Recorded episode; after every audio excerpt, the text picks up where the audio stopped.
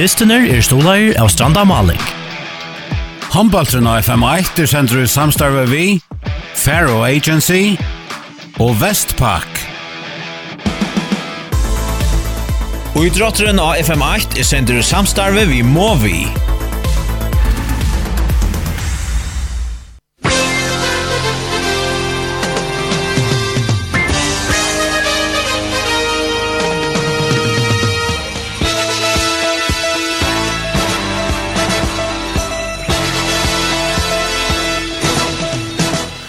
Vel at kommen, og hessa fer er da talan om haspenning, særlig mittel fyra at ei attaste lyne i Burn Manstaltene, Team Klaksvøk, Nudgesti, STUF, Heimalie og i dag Nudgesti, Nasten 8 og Utelige og i dag Kintel 8 sti. Hette just han spenningren vid innskjokken, særlig at han man skal sija fra håndballte, Sjurur Hildarsson Høydal. Ja, her er ikke noe rolig jolaferie, jeg kjenner ikke at her man fellan som vi får söka här av alla att han lins vi får söka här av alla man låter kjente löst ju if. Det är ett harst harst harst strøy om fjärde plats i Burndalen. Och det är ett team Klaxvik och SJF har nutje stion och så Kintel och nästan åtta stion som dystast omta och här man bara säga att det, det kan akkurat samma för han är till ta allar allar senaste. If I general lösning för det som heter Tråkpott.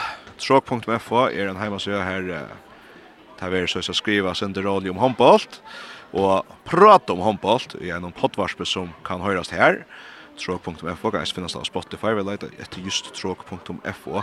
Her sier jeg nekka såleis uh, senast av mann av morgen, at jeg kan annars høres kommande mann av morgen, og just parsen eisne at vi da aner ikke hva for henter så bør man stelle. Vi vet ikke hva for å få det fjørblås. Det er akkurat samme kjentel. Og så får kjentel, mye kvalitet, ut og vunnet av nesten noen. Og skapte henne ned og utroliga spänningen om fjärde plats. Allt är ju fjärde plats. Och där menas vi det här skala så hur så kött här kan gänka. Vi hade inte hade vi kommit just så stanarska stjål när vi börjar fäta att det skulle för fjärde för att ha ho ett fjärde plats någon ta för ettnas timon att spela vi om FM halvfinaler och så får att han blir förra mästare. Jag ska se Chintel för att göra samma här kommer någon gör. Men man kan inte se kvitt. Så kommer vi ta catch här här efter. Nu kommer Alini av Ötlen och det är alltså en öde dyster. Jag minns det flera dyster vi har sagt fra här kanskje mittlen, SJUF og Kjentel, til jeg var bjøret till ta fyra, kanske eh, SJF og ta ære som ända i 2020, alltså som ta ære som inte ända i, och så Kintel om halvfinalen när i fjör och allt det här ta SJF akkurat vann och ta Ja, vi er en øl og har distro. Kanskje jeg snur ovant i Ørslit, hverfor vi talte ganske. Nå kommer Annali inn i bedre støve, så... So där kanske inte just som vi det vanta. Ehm Lille Lillesander tar er så leis at ehm Hoxi her er er så ikke elegant om vi tja så ikke elegant om vera listan om tja tja SUF tog er malverande her er Joakim Jurs som ikke har sett av sjansen og som Marskos Jakobsen som uh, Kvinnor flarsar Sherberger mot nästan någon ut i listan sätter fra här om Mishvar Skyvor men så att noen som flere fjernar her er kanskje her vi har kattat tre Malverje Andrika Hansen en annan Malverje just som er vara en tur i Chinley fjör. Han han er, er som är frattas skatter. Eh Borsche Markowski er inte vänner långt tja. tja ju eller så han lever ny på som er nu vänner. Och linjen för att börja nu. Vi kan tagga här som börjar till er. Marskos som börjar i till SJF. Marskos Jakobsen. Så av vänstra vantje värda Peter Barkley. Av vänstra backen Bjarni i Selvindi. En av... Ja. Halt, halt står till lätt den första handbollen i löten. Det är pura flickvande. Och lägger nummer 3 i toppkällestannan. Nu är det gammal. Av mine är det Bjarstor Maur Gudmundsson. Och högra backe Martin Danielsen. Och högra vantje är så Johannes Presta Og så av stryk er Ivan Merdalo. Neste gjør byrjar. her. har tar for redesten just nu. Marsen Danielsen fra Leipa her. Krossar Bjartna. Tar Jodi Hans Øljeval etter Bjartna. Kinsmenner. Og Lutsen takla beina veien. Tar vi frykast neste gjør. Skal ikke kjenne skreft. Også et fikk meg fra at det var Brorsson. Svein Stinsson. Bjartni Sødvendig altså ganska samma skott. Nu går en Alvin Gallic av Bjartne till vänstra back Bjärster. Eh, tar vi inkast till på vägen. Men sen det löjen känsla lägga så spännande dyster så kanske sen det rollet i hötken. Det är sjön bättre till att vi där framme så förra helmen förra helmen som är kapgrön. Och så till att stöna så att kan inte väl lucka tatt packa så vi var vann en affär. Kindel Jalobjer, Kristoffer Bjørkve, han spiller vinstre vanker nu og så kommer han brattla med rundt og leber opp midt fire, langa bulten inn til 1-0 Kindel. Vida spalt i halva andra minut. Marsen Danielsen för hemmen. legger ut högra vanker så på ikke Jöknes styr för ner. Sveiner Justinsen och Bjärströmar Gudmundsson skifta ja det faktiskt Sveiner Justinsen og Steinar Presta som fer ut i Alpstöcha SJF Bjärströmar Gudmundsson kommer inn og det är Ivan Merdalo Eisner. Han stiger. 8-0 til Kjøndel, vi har spalt i 22 minutter, SJF i A-loppet. Jag har haft et ene kjensal och här var ödersköt av Gräs Kristoffer Björkving hoppskott midt fire. Bjärsta Björre er här. Han stänger sig jökna vinstra, vinstra batje Torgodsen Tor Godsen Bjärgar.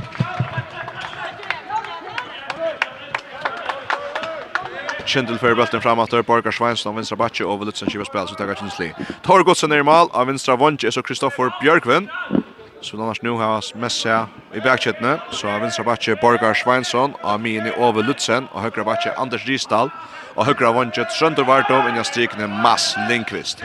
Her leipa kjent åter över Ove Lutzen finner ut av høyre vannkjøtt Sønder Vardov, og så vi tjøkner 2-0, her 2-0, og da køyra, ja, som er Robban den estetuskar, ja, estetuskar linje, det er at vannkjøtt kommer rundt og legger øl pressa inn mot mine, så det er en rundt noen bakkene, eller så er Det rykker veldig vel her etter Kristoffer Bjørk, men så gong spiller kjøtt, og Lutzen hever ho at uh, slipper Jøkken først, men så slipper han Heknes Leoer, om han hekker vang til Trønd Vardom. 2-0 til Kjentel, Trønd og Vardom, og Kristoffer Bjørk under kursen Malen. SG Fjallbe, Bjartin Selvind, Rønne står fram vid första mannen, så finner han Bjart Gudmundsson. Bjartur, opp på Bjørn, ja, og så blir han tacklar. SG Fjallbe, ikke ordre kom jo på at uh, Svatjen, Hette Sean det. Är möjliga brätta vinstra batje vid en Jakob Brod Uttarsjö. Nu blir det så han krossar opp, og så langa til Torbjergar. Kapper i Toren Kintelfæran. Kintelfæran. Bjarni Søvin kommer gå av støv, men Tor godsen vid Risa Stora Bjerting. 2-0 til Kjentel, overlutsen for Hivein. Rønnen strikna, Maslinkus Færan, og han vil takla vår og sent, og ja, utsjøkken Rytjen, Rønd og Veru, i halvdelen for en utvisning, ta Verdel Svein Justinsen, Mats Lindqvist vinner brottskast 4. Kjentil Øleva spalt för Ova Lutzen in till Mats Lindqvist. Och Einar Gjøfer skrev ut litt 2 minutter. Det var Svein Justinsen. Så kan Anders Risdal teka brottskast imot Marskos Jakobsen og i Estjøfmannen. Og Kjensmæren skårer 3-0 til Kjentil. Vi tar spalt i trutjar og en halva minutt. Og så må vi bare säga. Hetta var Marro Byrjan fyrir fyrir Estjøf. Marro Byrjan fyrir Estjøf. Og kjentil teir hava etnast vi, kanskje at som våpnen som vi så uh, særlig i måten nesten noen.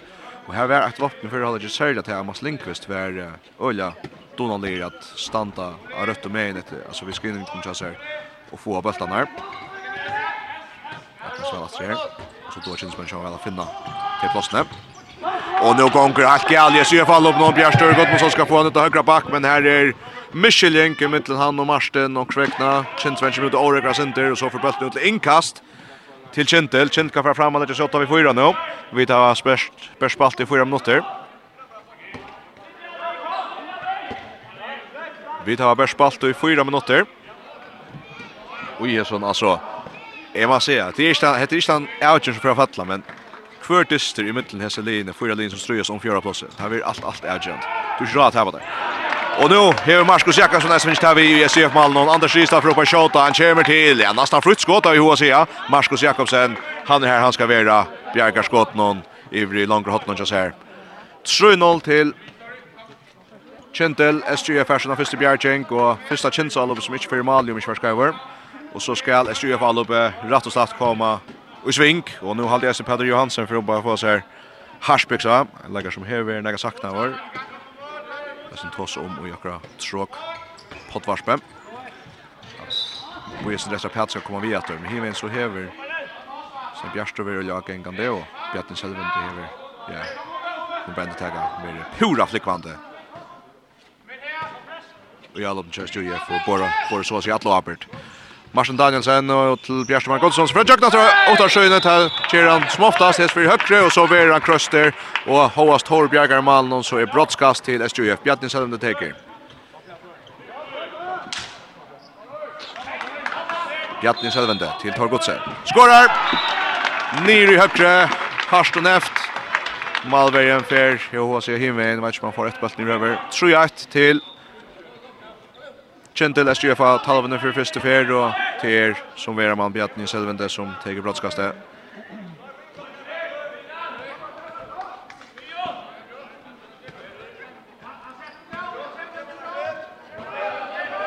Kjente Lebra, mitt fyr, Kristoffer Bjørkvin. Og på kjøta, Markus Bjerga, hver i toren, kjent fer sønder sønde fer han, høyre vanje, og så rekker Nivla kjørne ut, SGF er bølten, SGF er bølten, så fer han fram etter SGF er, Bjartni, gå av fyr, her åkker han vinstre, for kjøta, og man fyrer, og man fyrer, og man fyrer, Ja, nu vill jag när jag själv alltid i när han lankat ontron av stä sen det brätta vänstra backen därför Roma för det.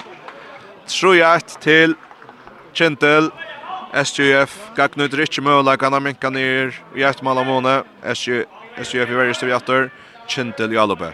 Borgar Sveinsson av vänstra backen alltså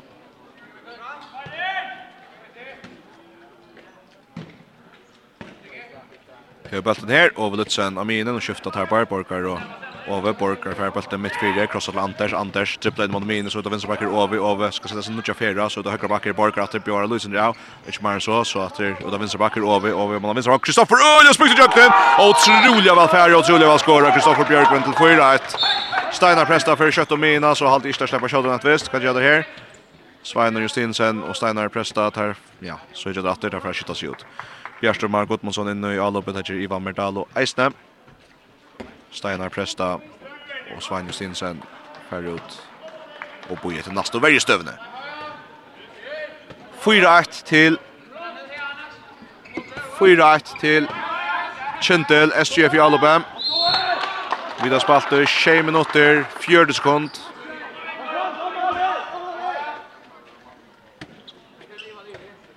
Og et SGF-alb som framvis øyla strilte.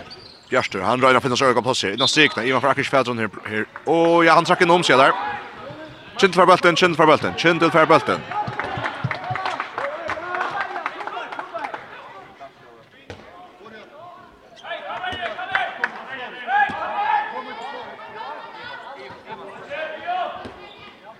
Som til lust av i um, senast kjent spalt, ja, som er avbrevspennende distans, som brast topp 4 horna av Vojanvegg. vekk. Så var han stor läkare natt att ta Jakob Björksson vinstra vånche. Han är inte vid. Men det har också Kristoffer Björkvin. Det är en av de allra största lätten av vinstra vånche i förjon. Här vart och han får fänga bulten nu i varje stöv. Först är det styrfaren som fänger och så fattar kött och mina och så är det Kristoffer som fänger själv och i Kindelsvärne. Gramischlingar här i varje nätcha. Kindle men det kostar dem inte. Ja, om du lurer etter kvindes nå, så var det at høyerska i særlig i 17. halvleitje, og kanskje eisen byrja vi fyrre halvleitje her, SUF alle oppe iver høver ikke fann nægge løsner til, det er ganske samme som SUF her. Fyra etter kjentel, vi har spalt i 90 minutter. Anders Isdal, innan min her, over Lutzen. Reiner høtt han underskål, så om at Anders, og Trønde Vard om høyre vantje, og beint i male, beint i male, beint i male, 5-1 til kjentel, Trønde Vard om av høyre vantje. Och tack om brände tagga här en av dem halt stor station som Chintel hever. Vi har haft har haft året här är ju öla skärter där här var öla ärmarsken ärmarsken kan remont till ganska linje om för sig att Men Wenker det här där. Neck skott av vanknon och neck six skott av vanknon men som kvar är det annars. Och så här där där Sean det sig en öla malverja. Och han nästan visste fram mer till Godsen. Martin Dyson, jag syns på sig att ta sjöne. Verjan Cha, Chinle ständer väl. Frökast läst ju.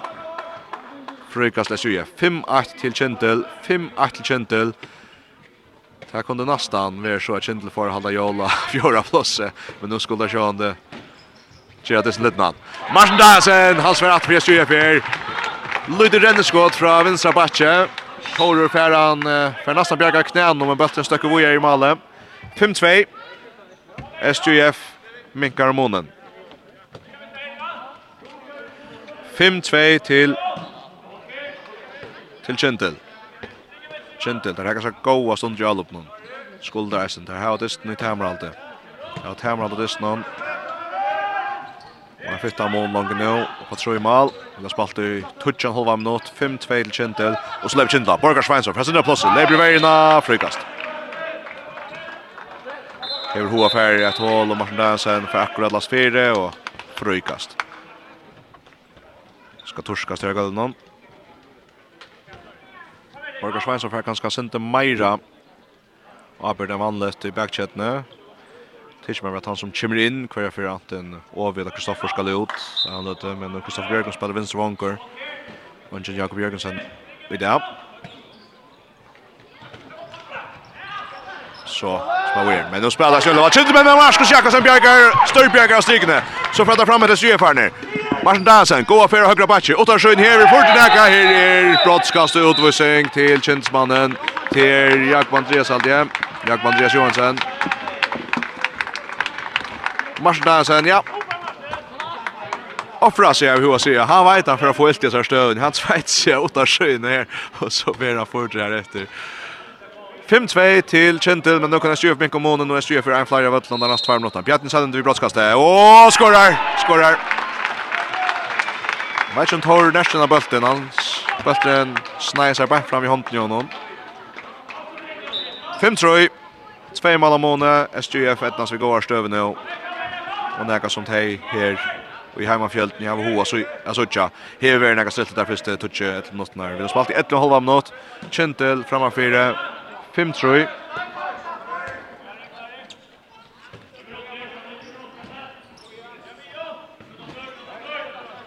og så leper Kindela.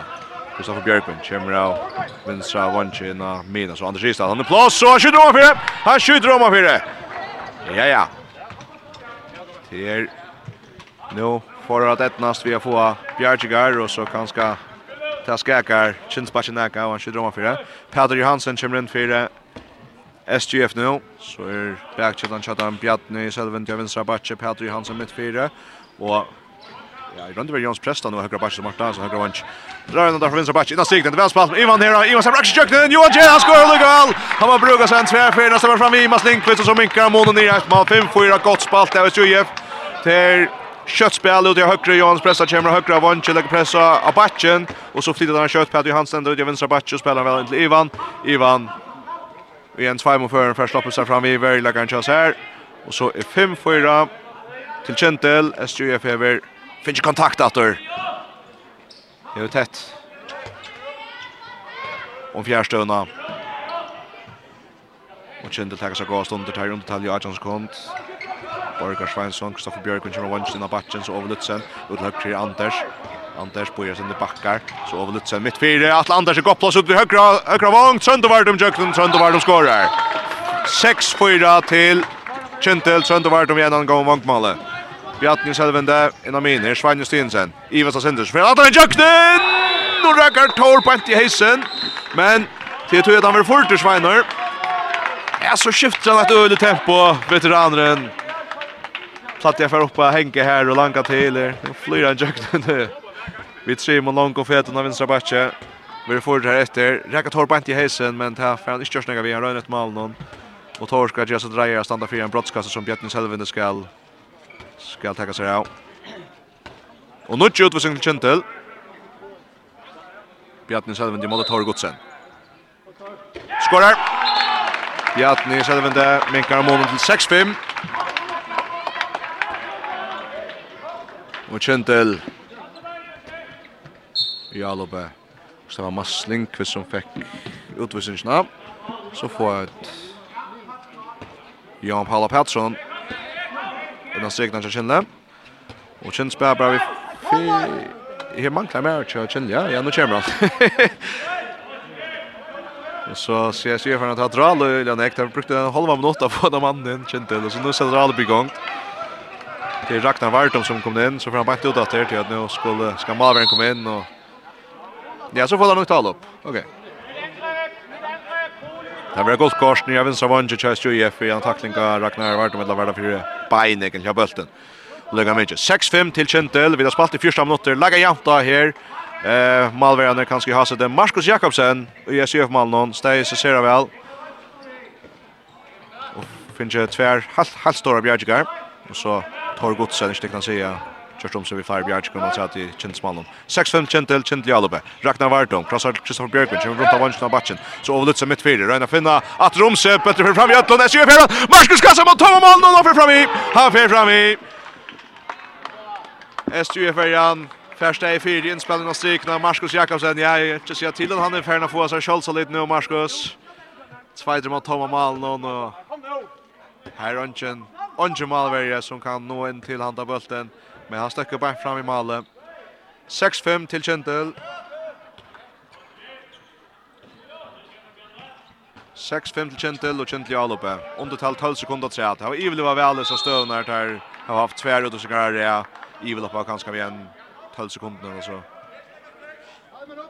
Hansi damerne kom opp her. Kjentil skal leba nå over Lutzen ut av høyre bakken til velfære. Borger i kjøkkenen. Og det var spalt og brottskast. Han kommer och jag brast i öllen och så ränner han in mitt fyra och fär. Fänga bulten just här han kan fighta sig ett hål i värgen och ta ger väl. Så över last släpper kört över skott och skjuter fram i tal. Som de kommer men här är brottskast som Anders Risdal för att ta sig där. 6-5 till Kentel Anders Risdal i brottskasten nu är Kentel fullman efter och Anders skorar öliga väl. Hötter Marskos affära. Högrumen ser bulten kommer hinna söna. 25 til Kjentel, Anders Ristad i brottskastet.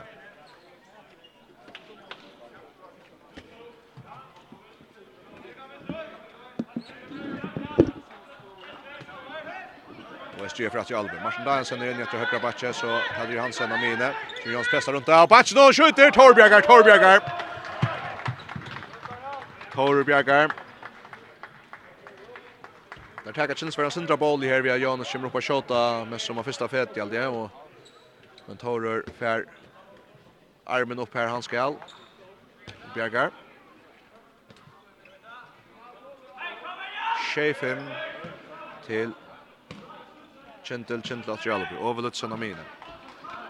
Kristoffer Bjerg med nu venstre backer ska lära mig Anja Hansson på vänstra vång. Tar vi på någon. Anders La Anders Isdal, krossar lov. så över på skottet och han för in. Thomas Marcus för Petti i spölt någon. Hade bulten bröt bröt och Lucien Kås i varje gång någon. Så snuter han Malvin som annars värre att det 8-5 Kentel. 8-5 Kentel. Sven Justinsen upp i vägen för inte skott och så tvär han bulten vart Han ska finna Jens Preston ner vänstern och här blir han utvisning till Kentel. Men Kent för å få bulten Ove Lutzen har vi just också stå i så. Han røyner mot med alla men så får han av bulten korsene.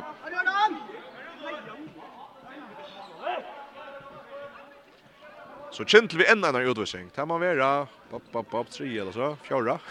Trea. Trea. Faje. Jeg vet da, og tar ikke så mye fire. Daniel Sørensen av Vinstra Vanje. Ok. Så kjent spiller nå Atter, mer omtalt, så kjører du skar på 16 minutter, og etter vesten jeg har tatt i loft i dysten mål nesten, da får vi øyne grød usinger. Daniel Sørensen, av Vinstra Vanche, av Vinstra Batje, Kristoffer Bjørkven, Amine, Borgar Svensson, og Høyre Batje, Anders Isdal og Høyre Vanche, Sønder Vartum, og strykning Johan Paule Pettersson. Kristoffer Bjørkven høtter i midtfyrer, og finner Johan Paule, det tjener men han får akkurat ikke slitt leisa, han har stil nærvi, og han slipper seg av i Steinar Presta, Steinar skal vise seg vøtlet til at han hunker og lunge. Etter, etter øyne største Johan Palle, strykning til kinnet. Øyla störst. Fänga bulten. Halt ner i någon och så... Jag vet inte om några ehm Så det var men så är det... Alltså det man kallar ut som tunga rev alltså han han hungrar rev ner i golvet och ungefär snära likar näsar och likar när det hänger ut den Jonen. Lockt tungt där. Lock tungar, tungtar, lockt, tungtar punkt. Lockt tungtar punkt. Alltid fick sagt det, var säkert Anders Kristal, han är för att lägga upp i högra matchen, spelar Ulja vet inte Borgar, Borgar för nygångna strikna, och han skorar till 95 Kintil, 95 till Ja, ja. Så för Kintil upp att dra fyra mål.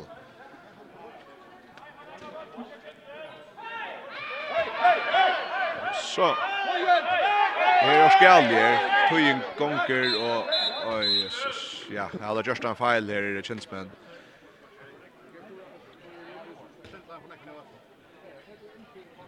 Ja, Kintla finnes ikke en mann for nekk vinner vattlen. Og så skulle der ha en utvisning at hun et. Så Daniel Sørensen skal av vattlen i tvær minutter. altså rett. Det er en Kinsmen altså rett skal av vattlen. Det blir sånn råd ut. Altså, kjent der finnes jeg fire utvisninger. Vi tar ikke gang spalt i 8 minutter. Så kommer Lutz Mæren, Kjest og IF. Vi må få spille med fire hva det er sjøen vi er mannen. Han eiter. Han heter George Pizzeria. George Pizzeria. Ja, ja. Han skipper spill her. Etter jeg har vi absolutt ikke hørt med mann. Jeg vet ikke om det er også som vet som vi burde vite. Martin Dansen spiller ut her høyre her. Jans Presta i jøkken. Flott, flott vangskott. flott vangskott fra Johannes.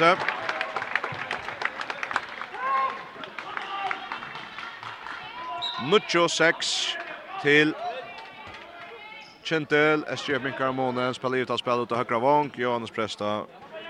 Teodora Leiste. Flikkvinn av høyre Vang. Leva drar åter här, känns spännande. Jan Paul åter, Jan Paul skorar. Tucho. Tucho 6. Til Kjentil. Og tar her er det i ivetale. SGF er nær. Spiller ut av vänstra vang. Petter Barkley i kjøkkenen. Og hatt og øyne skått av vänstra vang. Torsen med lengt ut, men bøtteren, ja, Petter Boja Lange, og enda nesten via er så vi er med nye gulven, og så langer han bøtteren opp og driver øyelig godt vangskål atter fra Padre Barclay. Tudjo og Shea til Kjentil, SJF min månen. Så hever SJF inte annan av søgn og månen in. Och får det nästa om 45 sekund. Och SJF har hatt 13 sekunder etter søgn og utvisning. Så tar Röna kött nu, Kjønnspenn. Anders Risdal. Åh, han tar bant i, bant i Fentjø, NSJF, ja. Han ska sende en Bult av högra backe helt om han vinstra vången. Han pressar vid Lista men så detta in i ekna Malta i bulten hon. Ta han touch ett bulten hon. Jag ser fan i fullman här nu. Kindlai bulten efter. Är ju i undertal i 20 sekund och så skulle jag kanske bara få att det 20 sekund med mest som har genka.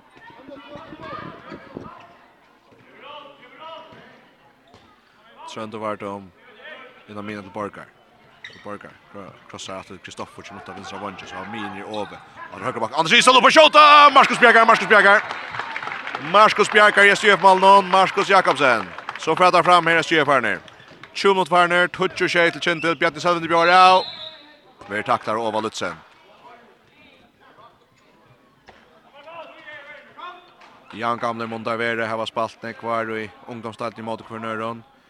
Og bare Vere, bare vi og ikke vi, og jeg snur jeg gjøttene som fer til og 20 EM kommande år.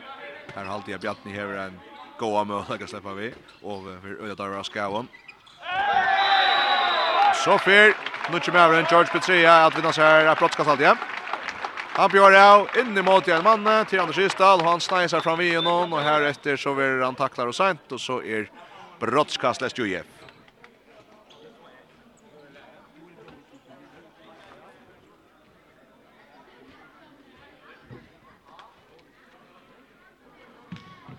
Bjarni Sæden fra teka nu etter at vi tar finnes torska av gulven on. Til måte Torre Godsen. Bjarni Sæden det kan ikke komme ned i tve mål. Og der gjør han. Der gjør han. Tutsch åttal kjentil. Bjarni Sæden det minkar Astromonen. Fjorda mål til Bjarni. Og så teker kjentil time out. Og så teker kjentil time out. Tutsch åtta til kjentil.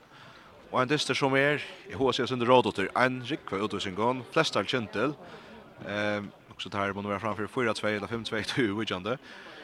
Touch åt all kjentel, så SUF alla som haltar av sinter men det så gott ut nu är inte mer George Petrie här ja. Det är ofta man vill tills några boll så att när det listar någon och det är liksom färra och vi det kan så ner han känns in och kör det gott vi heter Stöne touch åt allt kjentel vi har kvar jag prognoserar från här allt allt avgjørende tuttningar med kla Dystonen om ta fyra plåse. Kjørs vel Dystoner er stoleier av Stranda Malik. Håndballtren av FM1 er sender ut samstarve vi, Faro Agency og Vestpak. Og idrotteren av FM8 er sender ut samstarve vi Movi.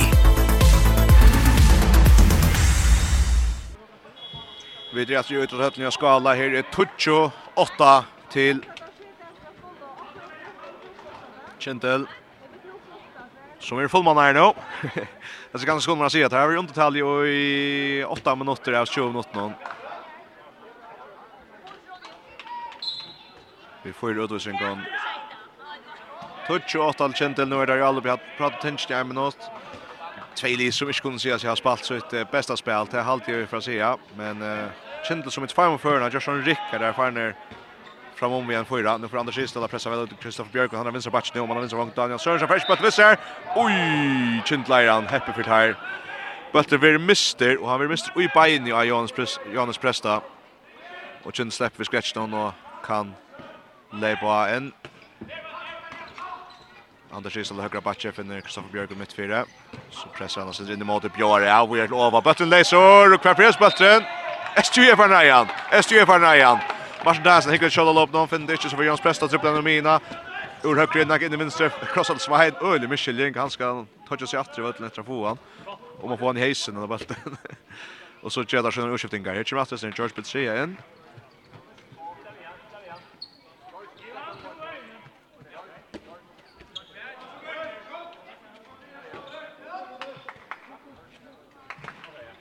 lustar vet när om den här så vill det fan vidare då. Skriva till med ett sure höjt eller Facebook. George Petri, han fratt och jukt ner, han brukar fyra fet om man släpper honom fram i likaren och så här bruksla för frukas och bantar och sätter bollen i nätet. Ja, ja.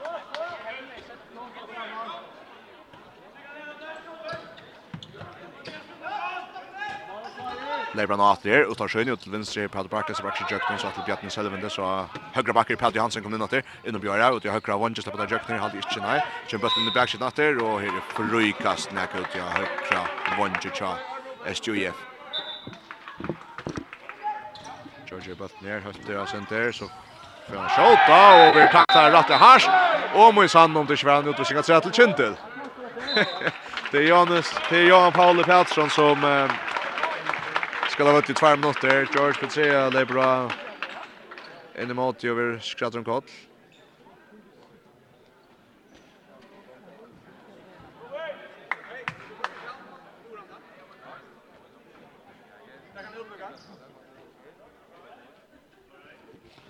Så det kvar uttalsspel så jag är faktiskt att se är så kvar uttalsspel det hade vart.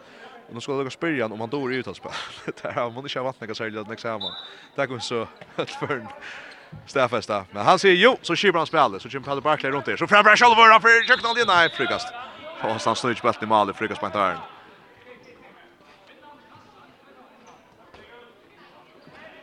Gånger och lunch får sig spel igång där ser men nu är det så färre gångt. SU spelar ut spel att han för 2 Bjarni Selvin Crossell Jones presta. Fyra finner han George George. Blå, Dan han tråkar, han tråkar.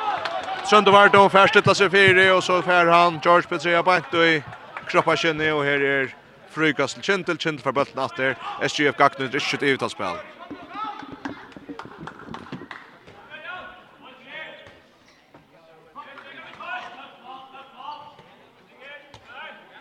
Kintel Jali Bjartur, en färja vötlån, 18 nu, 50 utåsikta timen, vi har spalt i 23,5 minut, 28 till Kintel, Borgar Sveinsson kipar spela til venstre og Lutzen. Borgar fram mot til. Kristoffer kommer runt av mina här från den Ovas och den krossar bollen och striknar på Jimmy fram. Är ju fram fram efter stämmer Ullevall fram efter Steinar pressar på och ja! Och kväll har Jimmy fel nej. Alla alla chinsmen säger att Steinar häver tracka en av Heronek av Atlen alltså till jag fet och neck. Och jag vet inte om det var så eller inte, men det var en rep vill jag säga. Det sa Ulla Löj och han Ivers Önek kanske skulle göra bollen och Så är det bara STF för Jalup. STF för Jalup, George Petrea, Boja Center.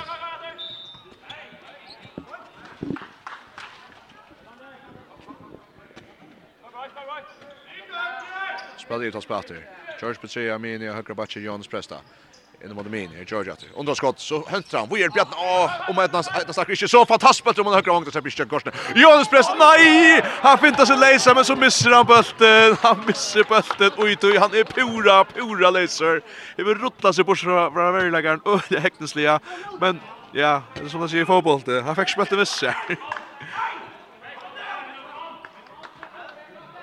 Etter er han løy, det er årsaker. Jeg var ikke gitt at jeg sånn løy lort etter reisene. Det er sånn troplass jeg kan hente, hente reallig løy.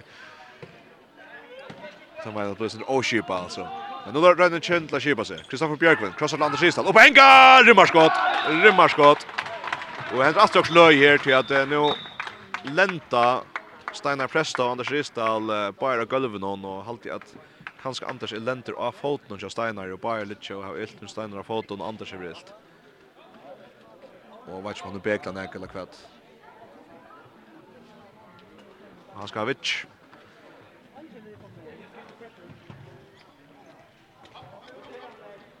Damaren senere skal skunda seg for når mannen hjelpes mannen. Etta kan være sin kjelet fire. Kjentil om Anders Ristal, nå skulle haft han troplager i foten han. Heldeland gjør han, Maslinkos hjelper noen, og så kommer att ta över matchen och hjälpa nästan.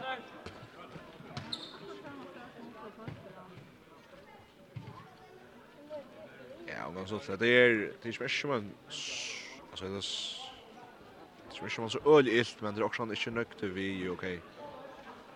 Kan man så foten. Hetta man vet att han lent ju av foten och väl lägger han lent ju så så beklar han.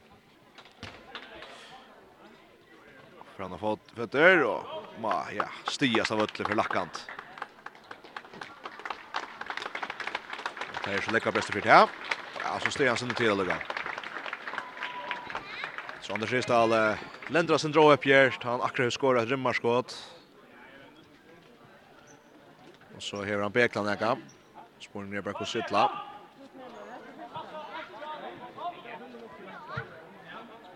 Men han skårar så. Och så är det 1-8 till Kintel. 5-13 för Hållage.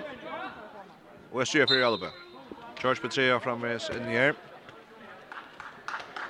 Det er Patrick Hansen med sin høyre lia, høyre batje, av venstre batje Bjartens Helvente, av venstre vondje Pater Barkley.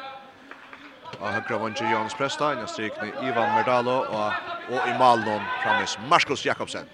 Her er Bjartens Helvente, han fratler med igjen, og så skjuter han, og Tor Bjergar, og Jonas Presta, nå fengar han bøtta, han flyr i normalt og får bøtten opp i dekva, og så trusler han bøtten i malet. Ja, han var oöppen som var bulten med sig Johan och han fintar sig pura läsan. Han missa bulten av Honton. är för Ockors räknar färran bulten i Honton. Ta han svajt sin i måltagen.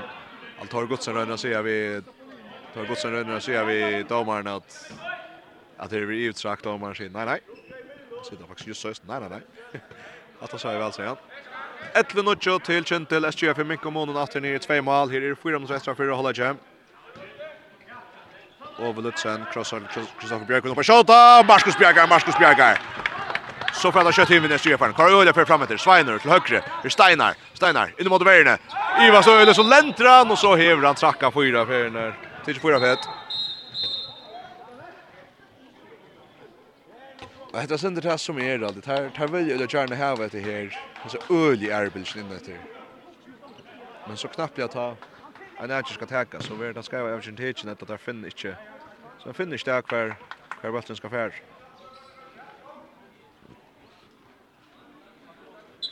och Kindlai bollen natt 11 minutter till Kindle Kindle Jalba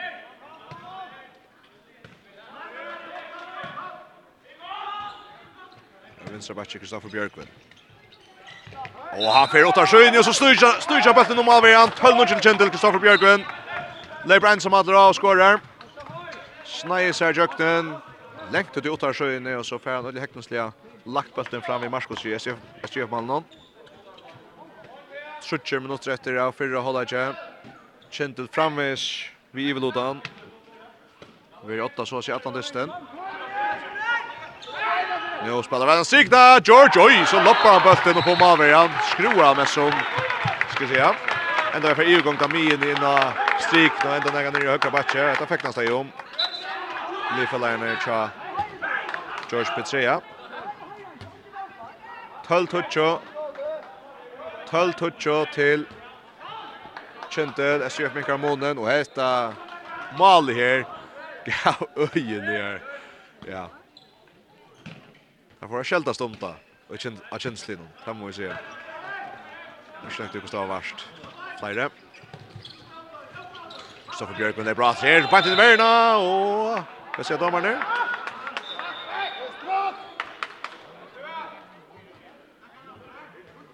Oj. Jag känner frukast. Hoi, utan det kan vi men shigar. Vi såg några mer från Chintspunch då om att det skulle vara mer enn frøkast.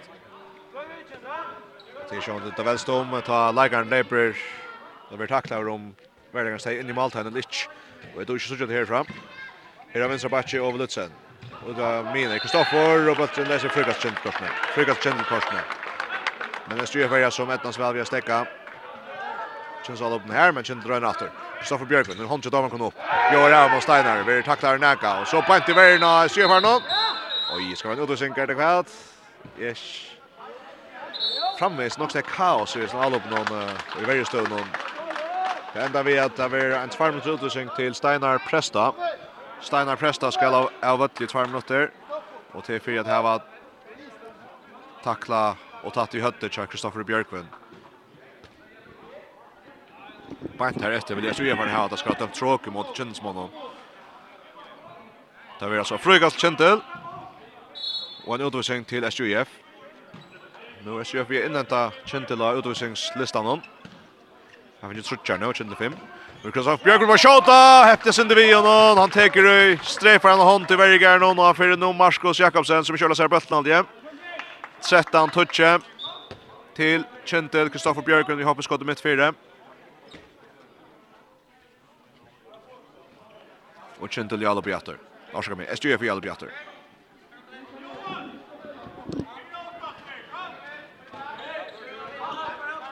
George Petrea skiva spelar sig till högre till Pedri Hansen. Bjartne Selden kommer in av mina nu. George Tryster fra vinstra batches så Bjartne har sindra plats. Kommer åtta sig vinstra vänstra vi taktar Korsne. Vi taktar Korsne. Här kör Ola Finch gång till Bjartne i det. SJF är ner. Tjänar en avtal vid George. Och så Leiber Bjarni Sandvik. Ja, undra skål! Dette var dagsens mål! Jeg vet ikke hva dette kanonen kom fra. Bjartne Sandvik, jo, det er vel så mye øyelig og brekt. Og så teker han et mjatnarskått fra, ja, en 20 meter. Og ta synker upp i malhåttene. Långre med igjen, tar godsen. Hatta, hatta han ikke vantat det tar jeg sier. 13-11 til Kjentil, Bjartni Selvin, Minkar Måne, vi er noen dunderskått, ja, et øylet mal. Og så her er Kintel kommer pura Frøyer. fröjer. seg i Jöknen. SGF-arna, Mats Lindqvist, pura en som hadde den strikene. Og her åtta sekunder etter. där skal skunda seg SGF-arna, räddar tacklajer. Og allt tog in för denna här, tre sekund, George skal tjata Og så blir tog in stäcka. Nej, det blir ikke. Hun renner ut. Og her er frøykast. Ja, ja, Bjartin Selvendi. han skårer i öliga längt utifrån Janne. Og nu skal han så skjuta et beinleis frøykast. Og det er 8-2, ett hållt fet utanför 20 med linjerna. Nei, det är god 2 meter så det heter det är en 12 meter ut i Ötlund för. Bjarne Selvin i banan Ja, fer, ja, fer, Det är också samframde. Det träffar en hånd i varje gärn och så det fram i mål någon. Men så är Kosen och Feren var samförande. Fjörsta ett till Kentel. Kentel Åmana. Atlantesten här till. Här håller igår. Och Kentel kunde nästan drömma om att hålla av fjärde platsen. Nu vet jag inte hur det går i hindesten.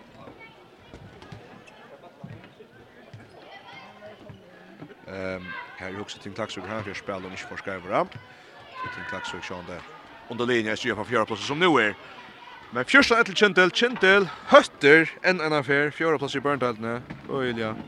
Öliga ovant här vi hur säga men här vid får vi tas vi vet det mycket kvalitet tacka på om att detta mer så kunde hända. Det är nu lite spännande om detta plus och Jag får så så att SGF har en här skulle finna spel sig fram rätt och slett. Här ger det där tidiga som att det inte ordentligt tröst i all uppnån. Att det inte ordentligt då att finna ruttna oss här. Vi får så tjumt här ett nästa mån. Kjensmän är framför men GT Isen här har Eisen vi sen så onödigt vi också näcka större tjäs här. Sinde Jotto till det där men första till Kentel Kentel om man har vi tre Malon. Vi vet att vi satt en hålla om man har löto. Dystener er stolar av Stranda Malik. Håndbaltrun og FM1 er sender i samstarve vi, Faro Agency og Vestpak. Og i drotteren av FM8 er sender i samstarve vi Movi.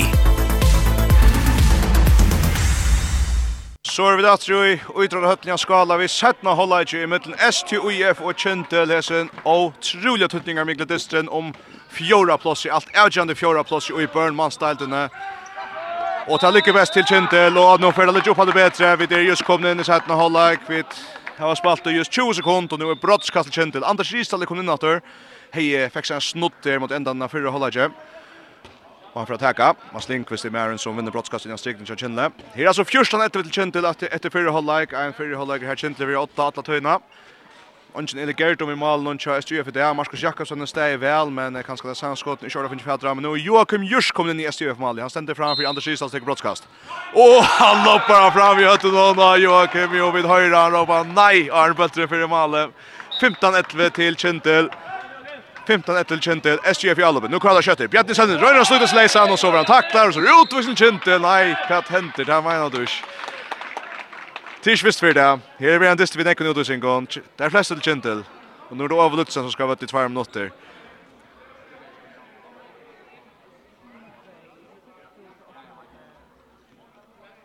Och satt ni håller Grish bara börjar. Vi har spelat i 36 sekund. Och så är det långt utan första kinsut vid sin känsloutvisning generellt. Mark Gudmundsson kom in att och i Alubicha STUF.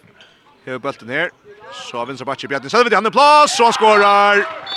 Där spelar han väl upp. 15-12 och så ska vi se att det går. Nu har vi Luka Fratt. Helt stort för hennes UFR här i Hallarstad. Ja, men som kommer in som heter George Petria. Han är inte kom till SUF. alltså han är inte kom för att spela handboll, det känns inte över att hämta. Han är ur en, ja. Arba backa frost och kommer till en handboll, det dotter ja. Så det Det tackar åt här fyra. Han spelade en gång första fyra hållet och måste jag skåra ut för en två mål. 15-12 til. Kjentil, Kjentil Jalupe, vi har spalt i halva annan minutter setten hålla kjem. Her, Trøndo Vardo, ut av vinstra bak, Astrid Romsi, oi, så spalt der, ser vi bølten Kjensmann, Kjensmann spalt, ser vi bulten, så kjønner, kjønner du bølten fram etter, tjøkker han Pelle Barkley, og så tveila flere lager seg et bølten, og hva ender han? Han ender han? Trunka, og her er Peter Lentra bølten, og Pat fick akkurat krökt krökt han till sin första jätlev och så ända vi att uh, räka i ritchen och så att sen det vart om och så får det bara detta när golvet måste linkas kommer här efter. Vars länge hittar amerikanska fotbollen men också det att att fighta den bulten där sen så är det ända vi är fyra. 15 12 känt till SGF i Alba.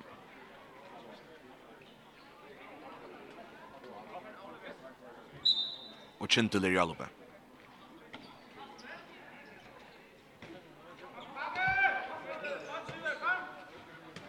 Tvær mot Farnas 15 12 til Kjentel. SGF i Alabab, Gjerstrømar Gudmundsson. Tripla i bølten, Ivas og Sinde finner Bjartna. Lengt ut av vinstra vanget, velspalt Peter Barkley. Han er kjøkken, og Heknes i malen. Lopper han på om Kåre Guttesen. Tvei mal Moni etter Peter Barkley, Gakten drivet av spil og Orvætjen sending fra Bjartni Selvende.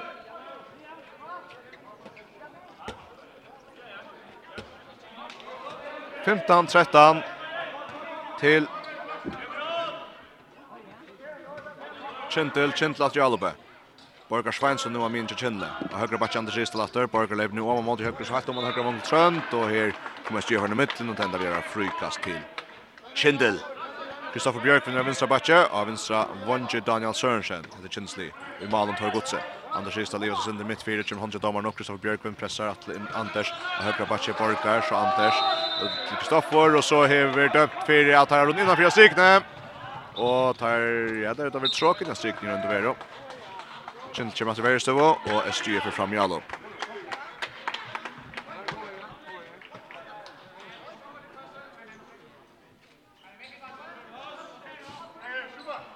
Fymtan, trettan, til Kjentil. Nå kan SGF minka nere ett mål av måned, månet till en löteskjön senast. Vi har spalt i trutja minutter av setna holde i Kjepjärn i Södernebjörn. Ja, og så slipper han bulten hon här frukast Arnja. Vi kröster ödet røyna, sleppa bulten vi er til Bjärstör och sen treppen kanske här at domaren ser så ju när Bjarten på ett. Ska ske det ska släppa där. Bjartne själv inte fair. Jøgne, og så blir det tar skön så långt harskott och sted först som alla och tar för in och så rätt man av månen 15 första.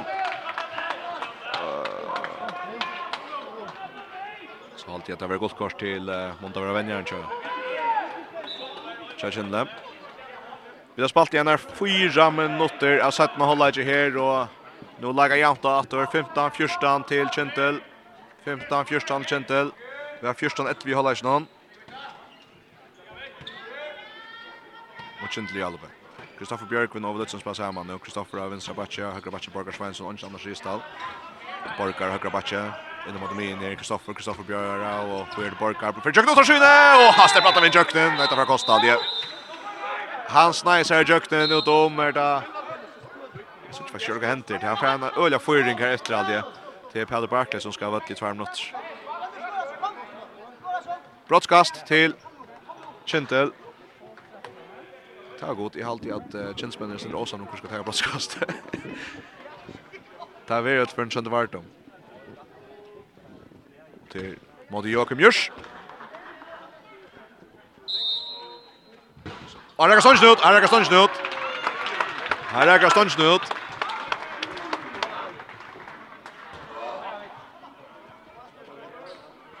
Femta, fjörstan til Kjentil, og nå kan jeg styre fjavna. Nå kan jeg styre fjavna. Jeg styre fyrir undertall, takk om malveren ut. Så kommer seg George Petrea innatter. George Petrea. Rumæneren Rumän som dock upp till vändning. Här fyra. Jag finner jag vet. Bjarni Selven där för bulten ner. Vi tacklar den också. Här. Jo, okej. Det är kjentla i bulten. Oj, så tvär mot Tom Malmon och tar fyra dettast. Och så i 16 första. Ja, nu tar några färna här att det är så det kaos och det är så trubbel att se vad händer det. Händer det aldrig lönt ting och nu har kan det Bjarni Selven där först i halvtid jag missar bulten så halvtid att han är i frukast och vet ikke om han helt det men Det det var dømt, og det har var dømt i måte Bjartna til at han missa for han i foten av seg sjølven.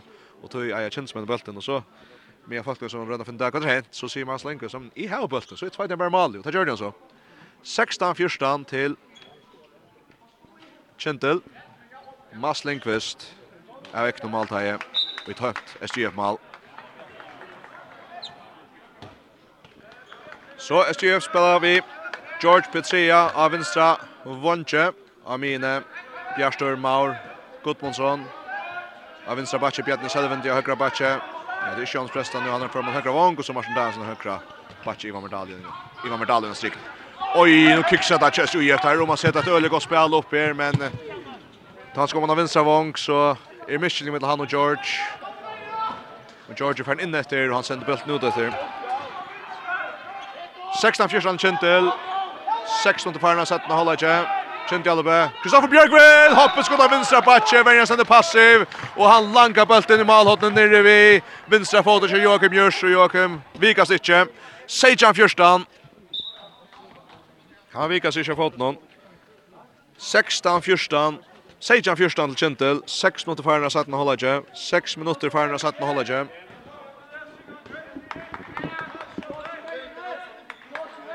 Och West Jeffrey är all. Det är inte som vi kanske känslan nu att under någon att West Jeff är mycket ner åt och så förkintel och håller sig i borstrat.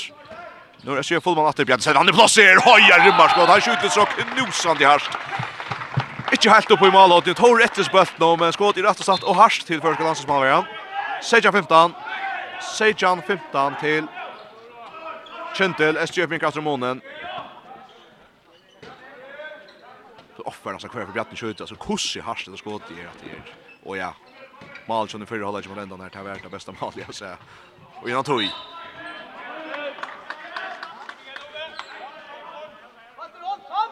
Sejan 15 till Kendall Kendall Alop i överlutsen till Kristoffer Björkven. Så kvartar ut mot högre så Amini Kristoffer. Kristoffer tripplar emot över tacklar för kast. Sveining och Stinsen i tacklingen. Frögas till Kendall SGF enda vi at etnast vi har stekka i bant og så rör en kindla nudjan. Over Lutzen Over Lutzen Upp Kristoffer. Kristoffer. Han stein seg jökna och krekna og så sykter han fram i. Blir röda løy enda vi at um, trippla seg jökna lengt ut i högre. Och ja, vi er så fortsatt sin långkare ut. Ja, okej. Okay, där at att han blir rakt sin i anlite. Och här har en utvisning til Svein Justinsen. För har troffa nöstan till Kristoffer. Ser där. Och vi tänder ta Råd ut i dyster. Rotot. Vonjat. Til skilja ta løysingsna. Men så det er ikke så polere håndballspill akkurat, men uh, vi sutja så gammal og noen helt utrolig gå om alt sammen om kjemmer ofte. Men det er ikke mer som at det er tvei alle som ivast øyla nekk og i kvarje avgjert som tar kvarje fyrir, så blir det liksom sinter hakkant. Men Mars Dans spiller ut av høyre vong, ja, og så tveilar bare til borster, det er Michele kan han høyre bakker høyre vong. Kintet för Albaster 8 seger 15. SJF för framvis i undertalet.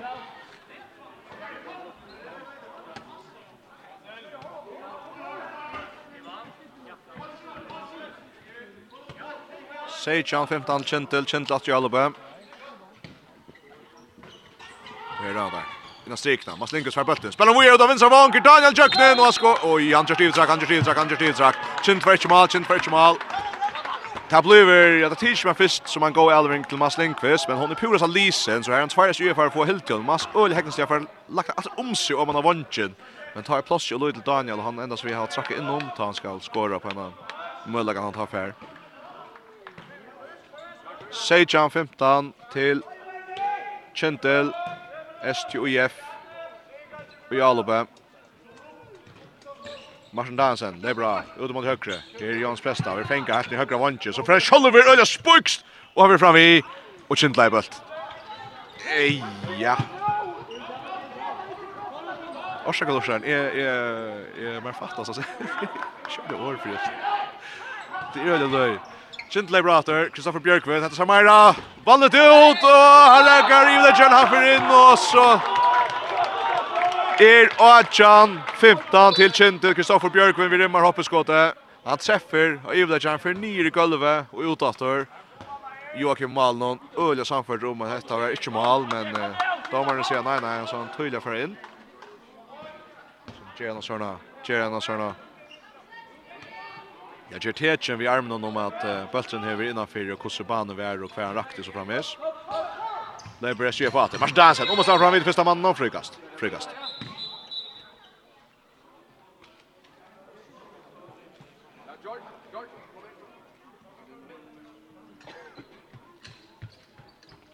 Så skiftar där åter.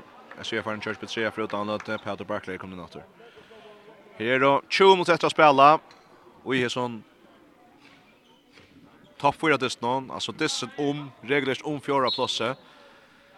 Der dystas vi Team Klaksvøk og Här dystas bare Team Klaksvøk og Nasta. Bæði linjer.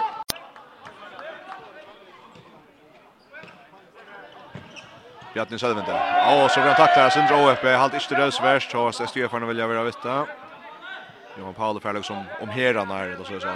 Bjarni men köksliga.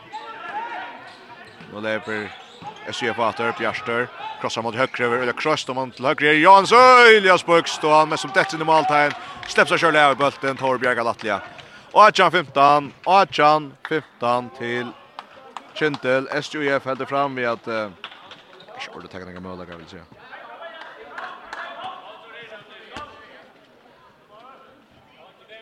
Kjøtt ett mot Farnas 17 hålla Kjøtt 11 minutter faren av setten og holder ikke. Og kjent til framvis 8, og til just som det her viljet, her er nok ikke måte i stedsen sin råd ut der, men sier han sin drøyd. Og for sin der, skiljer dere kvitt der spela, så styrve, akkurat, på en inne, og nå gav han det om etter satt der finne strykning av Valja Kjendle. Men uh, Sjøer kommer først fire, og så tar han slå av bøtten, så lemte han over på fire strykning, han teker at det er strykning bein. Og så verer Frøygas Kjentel, Kjentel røyner seg etter. Skjønte var det, men när stryker det etter, og pura sammission vi måste Lindqvist. Fram efter. Per Jons presta fram efter och på hengan, en av där. Petri i gang, og heter väl spalt, och tar så så skorar han.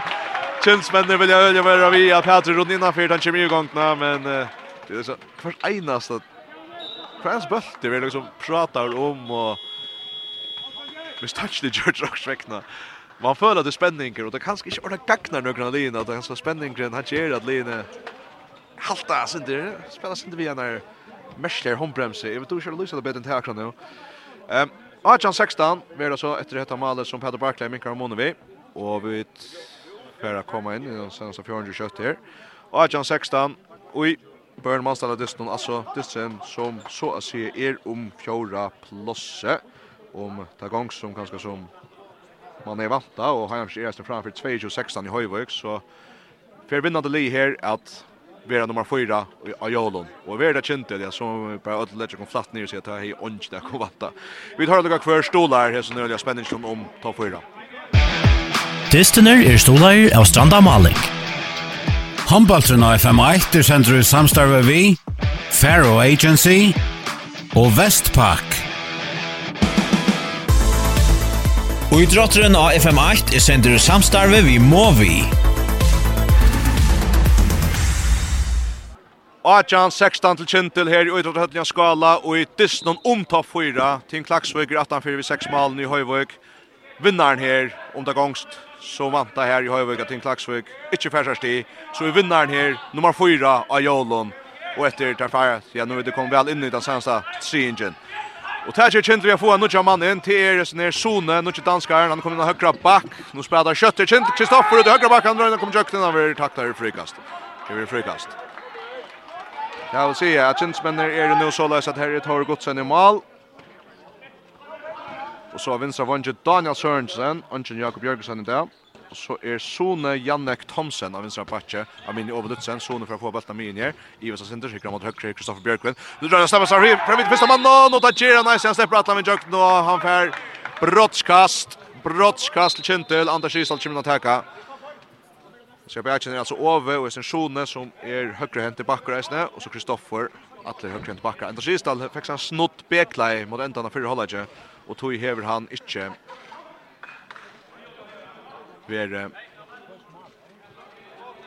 så nekka vettel, man kommer til å nu. Högre nå. Jons eh högre Jons, så det ikke Trødvardum, tja, kjenne.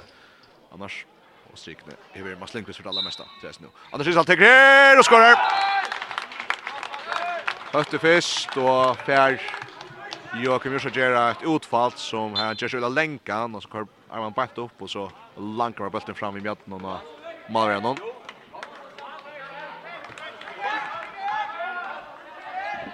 Nujjan 16 til Kintil, SGF i Alope, SGF Alupe røyner framvis av finna noen løsning, Jons Presta verda han, hvor er det Bjarse, Bjarse, Tjøkken Ottarskyne, velferdig og velskåra.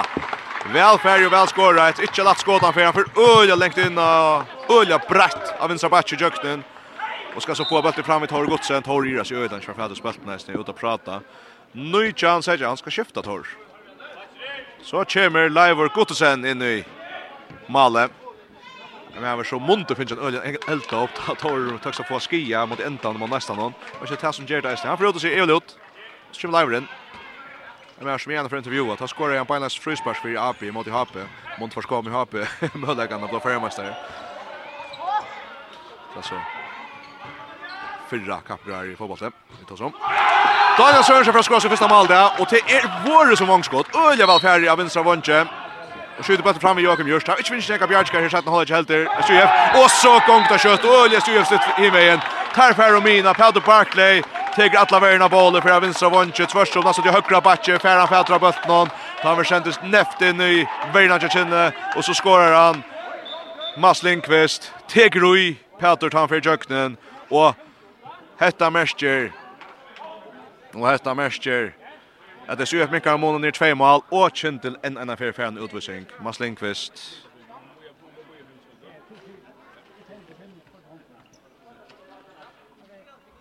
var sent og sent at stekka tøyene tilsta som. Det vil si at uh, tøyen skal genga 5 sekunder, at spela 5 sekunder så var tøyen sett i gang dats. Da har jeg fått her vidt at jeg var du hørte om at nesten jeg, jeg kom sent ut av råd av tøy at jeg ikke har løst ut på hvordan jeg etter til klokkan var ikke veldig akkurat ta. Lega mykje. Her er då 16 minutter etter å spela, og ta leika framvis Janta. Kjente framvis uh, vid lastene, vi tvei malon, 20 ödja, men då sitas vi en känsla att för att ju på hästen till Ricka. Så så kan han kött koppa. Men det är så gånger sån hackande fer där fram med någon Rickon och så stäcker det sen droppa till på mig vi Nu rör inte latter. Över Lutze. Nu räcker på inte tvärs ut och så tar man himmel Bjarne Sandberg kastar och till är gott skott och så rätt man Amone. Över Lutze langa till mitt för vänstra backe. Huxar där skottet så gott ut men det träffar. Åh, ja, alltid åh tryckande självan alltså bæje stunchna og Ivlegjern av Malnon. Det til Bjartin Selventi og han hever om nægran arm. Nægrans slatt som ikke vi er bætt i Male. Sindrud jeg i eisen jeg til. Jeg er øyla John. Jeg, jeg kan ikke stekka vi er Åses mann, det må jeg bare sige. Nå er ikke håndtja damer nok til kjennelig eisen.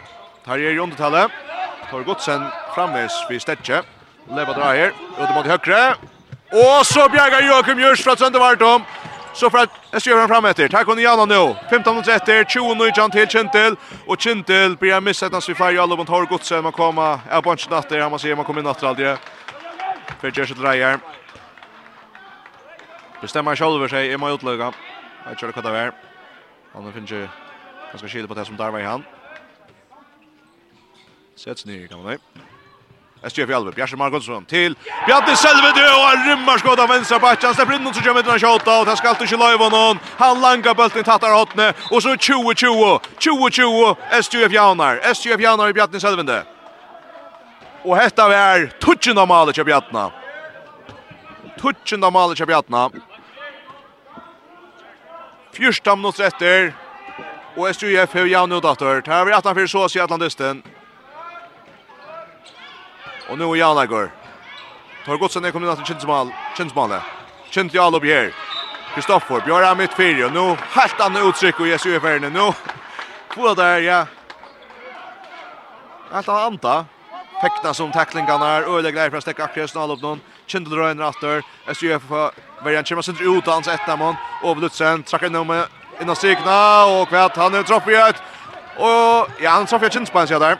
Och SU för bulten. SU för bulten. SU för bulten. Nu kan SJ föra fram och lägga sig. Nu kan SJ föra fram och lägga sig åtta. Ett du inte minnas när det sänds vär. Ett lång näkrande.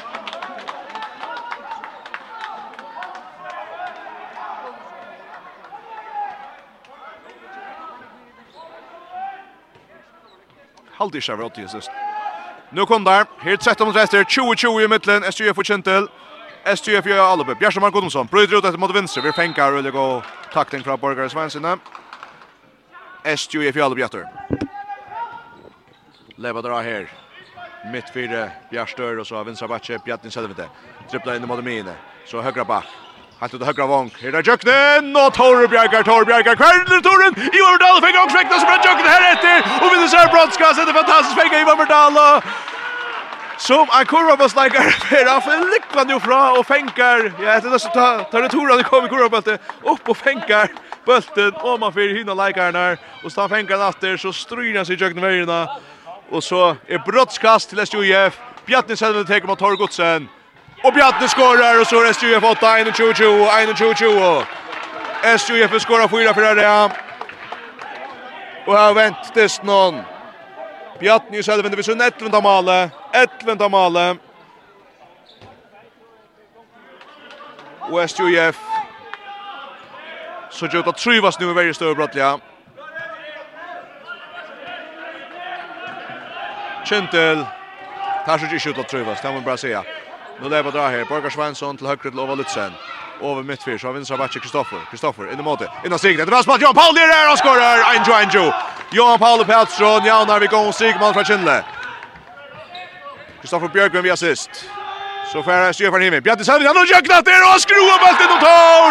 Han skruvar bulten och tar! Bjarni Selvin, det är ordentligt kom igång till! och så är det där, alltså inte pratet tar godsen i Bjarni Selvin där. Till att tar ända vi har kastat i nackan av Bjarni fram och han säger att han får honom att kött igång. och Det som händer på ett åren till att han helt att horror maskerar av Bjartna att han ska skruva av bulten och att han har träffat på annan som framvis. Nu hittar jag stutsen av Oliver. Nu hittar jag stutsen av Oliver och till inte minst Bjartna Sölven till attacka. Ett tölta mål från Verda. Ja, tölta mål från Bjartna Sölven. 22-21 till SJF. Kindli Oliver. Borgar Svensson mitt fyra. Högra backe över Lutzen. Atle Borgar mitt fyr. Så blev Kristoffer från vänstra backe.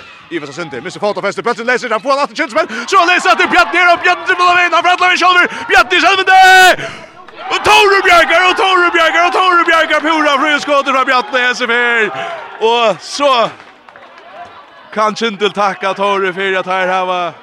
Oj oj oj. Ja ja, det här var nästan. Men Bjart i själva det har nästan väntest någon alltså någonting och nu kunde jag lägga sig över 8 vid 2 mån. Här vid 18 för Atlantisten. Torgodsen träckar till vid Risa Bjergjeng. Läser malen nere vid halvt Bjartner och han lägger ont om avgärden. Kintli Alupe, Kristoffer Bjerkvind, Lova Lutzen, Rasmus Udo Vinsa, Dan Sørensen! Nu Joakim Bjergar Malon, Joakim Bjergar Malon!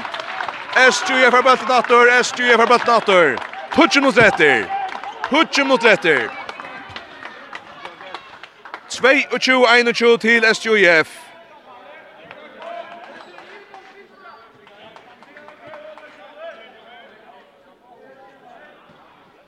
Högra vanger Oli Abrahamsen kjøres til UIF. Tidsmann løter jeg finne hvordan han eitre akkurat, skulle gå finne om å fram. Här er vänster backen Bjarni Selvinde, det är allt händer kan akkurat så Rankast, Allt rum sitt liv, han Ivan Pengan akkurat, och så är det Øleval Varsa Borger Svansen her etter. Ivan fra akkurat slitt leser han. Med øtlei efter vänster backen kjøres til UIF, Bjarni Selvinde. Nå får han bøttet, kommer Irgum till vänster. Så han då högra backen Johan Sender, Johan Presta, Rönner Rottas läsan tackling ett etnast ikke. Men nu får han spela Ölja Voa för sig Alvengar. Det blir sitt allt i SJF. Så Bjärström mitt fyra. Till vinst till Bjartne. Bjartne. Rönne brådde sig fram i första mannen. Och det är sagt inte. Johan Paul Pettersson backar väl upp på Borgar Svens inne. Borgar här finns en uppgave här att stäcka Bjartne Selvende. Och det är nu två inför hon. Nu har hon inte domar upp som Michelangelo att SJF skulle stötta upp till Bjartne Selvende. Nu får han skjuta. För att få för han får bollen under vänstra backen. På inte Arga så kommer Linna. På bollen upp. Torbjörgar, Torbjörgar, Torbjörgar. Tore Bjerkar, høyre med seg. Og så kan Kintel fra fram at det er Jauna.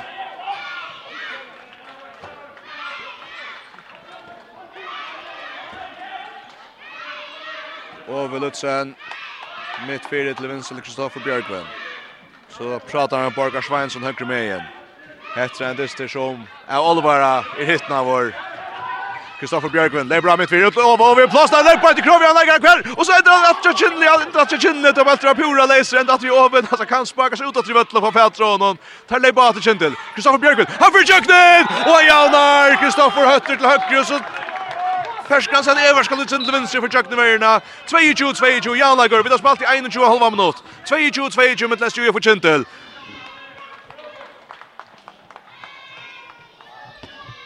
Og ur Høyvøk, her fratt jeg her er 4 mot retter, og 22-22 til Heinanfjær, så halde godt å kunne si at de klakser vinner ikke Høyvøk. Det vil si, vinnande li her i dag, er nummer 4 av Jolom. Kjæst jo er for Jan nok, det er ikke kjennelig. Så det er Bjerste så han vil kjempe fri der, og så stusser han over Malia, så stusser over Malia, det er Olja Spaltes jo i efter ferske altspillet i høyre, så han lenger bølter i vinstre, Bjerste så for kjøkkenen, som han er venner, nok så lengt ut i vinstre eisene, og så skjuter han bulten i gulvet og bulten stöcker om för Malle. 22-22. Och så var ni inte några grönt här. Jag känner. Ja, bara gjort tejp och gulvskap bort. Skulle gå torska så gulv någon. 22-22, vi har spalt i 22 minutter og 20 sekund. Og i distan om fjora plass i Jolon. Fjora Jola plass skal avgjerast. Og om tid ikkje har finnst helt greit å vite hva det er, så er fjøra plasset så og tro at tøtninga mitt ut. Det er de fyra fremste etter grunnspillet, etter Arjan Dyster, som spela om FM. Er du ikke mynd det fyra fremste etter Arjan Dyster, så hever du omgang chans. Er du mynd de fyra fremste, så hever du alla mølager. Og vi har bare fem dyster til å spela. Nu, och SJF vinner bollen, där spännande stryk, där SJF kör mitten så kommer han fram att SJF här ner. Och är framme och i hin ända någon hever Jan Paul Pettersson finns ilt i hötte. Är så tjur att i stövna. Då är han liksom blindvinkel charmer att han för läkaren ner. Han har fått natt Jan Paul. Och öle onökt vi har spelat inte stäcka. Det kan ha tagit honom. Ta blir det så här efter. Tar SJF kanske inte stoppa till Møller første bildet. Men jeg styrer Fjalluppe.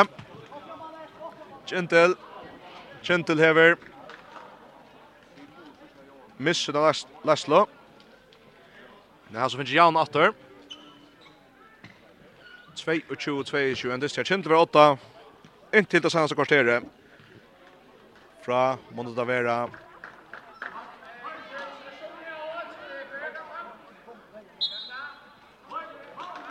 16-14 til 16-16 ble Janleikur. Og så nu har det til 22-22 nu. SJF i Alupe. Her er det tjej mot rett å spille.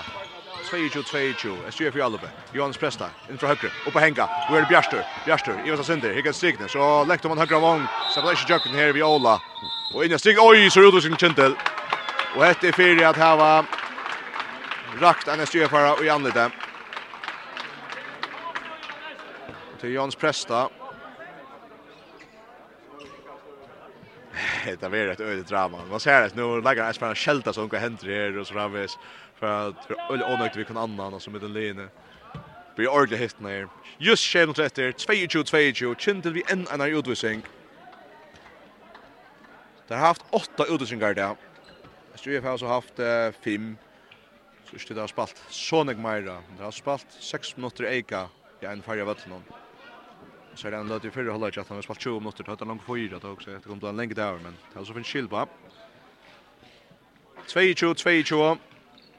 Nu spelar det stäcka åter. Det är neck för neck för sätter spel någon för. Nog så trött jag. Klockan är spärren väl och vill jag fem minuter. Fram med shame något att spela. Shame något att spela. 22-22.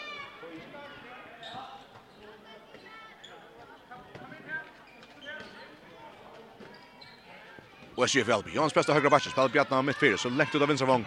Pat Fisher Jökman, Pat Barkley Fisher Jökman så Bjartna själv det. Att Pat Barkley. Han får inte Jökman ner så Bjartna i vad sent.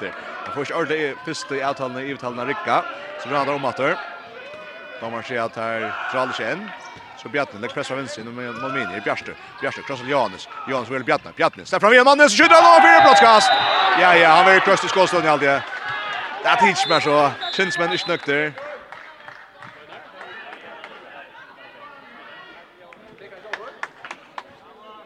Bjarni Selvende, brøyder i kjøkkenen.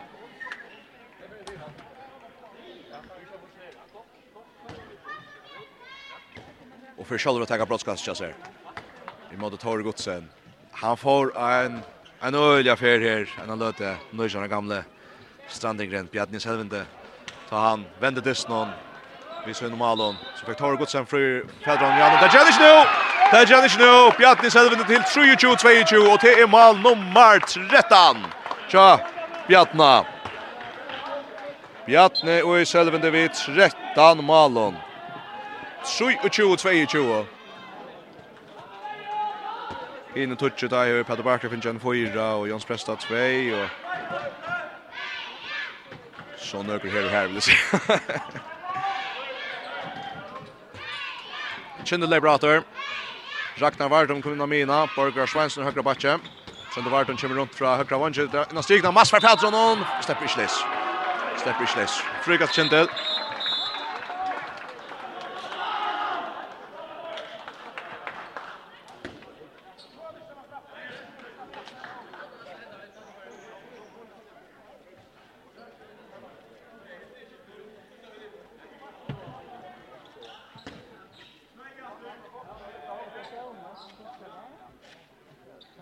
Og at det er en lengre stekker her.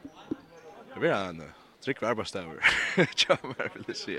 Ikke tog snygg arbeid ut i å sitte hittar håndbolt. Her.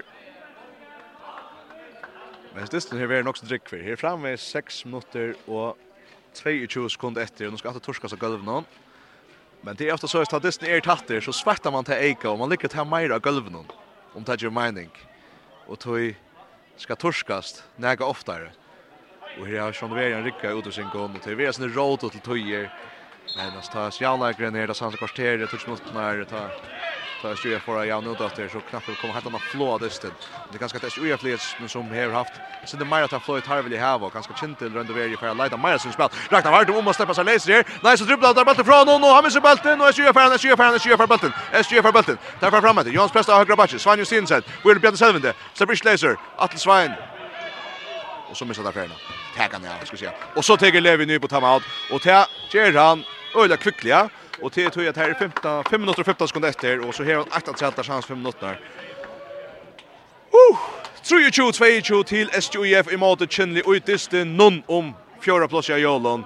Og det er ikke bare symbols, det er utrolig avgjørende, utrolig tøtninger med kjæsene å vinne hese distene til at hese linje distet altså om det seneste FM-endaspallsplasset. Ikke tøy, det kan vel være at det har vært flere enn det, men Heina Heinafjørs hevet sitter seg, KF sitter seg om så kan ska vara bättre om reppe. Han tog star är innan det spelet sen är ju i have långt nu och tog ju monta är det har seg, ja. Och så går man att till. Men Otterburn efter Atlant döma så har han fjärs och VF och KF. Det är väl för till strönon. Att hinna ströja sånt där och tar det omlanda vinna sen innan det sista. Vi tar här kött kvar stora spänningen om fjärde platsen. Cheers. Dystener er stolar av Stranda Maling. Håndbaltren av FM1 er sender ut samstarve vi, Faro Agency og Vestpak. Og i drotteren av FM8 er sender ut samstarve vi Movi koordinator här pressar kommer jag nu så var vad Judas skor på den vägen skor på den vägen då spelar liv då spelar flyter där högt i vänster på back där för Jack nu så 42 22 till SJF 5 minuter efter 42 22 till SJF SJF tog time out Ta det finns ju last namn men kör det slopp ner slopp ner över till det kör det finns ökt och nu Båda rökt upp i två mål mot Jatter. Vi färgen fem minuter efter att spela. Kvar 5 minuter efter efter att spela. Kint Jalobö, Kristoffer Björkvin. Chuck Notar sjön över tacklar, vi tacklar, släpper sig Jökna. Frökast till Kintel. Troplas jag känner att Anders Ristal, han tills mer vi en spelare kan spela mer där. Han beklar i förra halvlek. Tia Stor missar. Borgar Svensson och högra backen nu i högra hand. Så Amina till Ova Lutzen. Han vänstra backen. Kristoffer Björkman. Uppe hänger. Nej, vi är Ova. Så hon Borgar. Ölva spatt om högra vång. Sönder jakten! Oj, rimmar vångskott från Sönder vart Han flyger Atlanvägen in i måltajen. Och så läcker han bulten. Får upp i målhåtten långt med igen. Ett mål Amoni till Kintelmin Carmone. 4-2-3-2 till STUF. Vonko Kavotta helt kött. Det kan ikke ut fra at Heinefjers hever akkurat där chans som nottnar i Höjvåg och tog er det så att SJF vi sikre ett ein og stie är av fjorda plats i Jolon, Och Kintil vi sikre är av fjorda plats i Jolon. Ett stig så litt till Klaksvik, SJF och Kintil av Jolon. Det her kunne nesten vært stått i stötterna. I hvis jeg kjører at det bare er Kintils folk och SJF folk. Inte så här bare stien i här. Det här her er åtsulig tøtninger mycket. SJF är vi efter etter Jag har inte haft en troplagare vi säger det kint det senaste åren här annars har jag haft på att neckon. Nu Bjärste åh det var spattet Niva Niva loppar mål 25, 23, Där spelar bulten högra backen Bjärström Bjärström ser ut att kosta koncentrera sig och försöka finna en Ivan och Ivan ledas in och touchar bulten i målet och så fick Safa i med Jörgen Bjärk Jörgen Bjärk Jörgen Bjärk sin färsmal sin färsmal Halvor fjorre minutter etter 25-23 til SJF og Nora SJF og Bøltnån SJF er av Bøltnån 5 og 20 til SJF og SJF er bulten.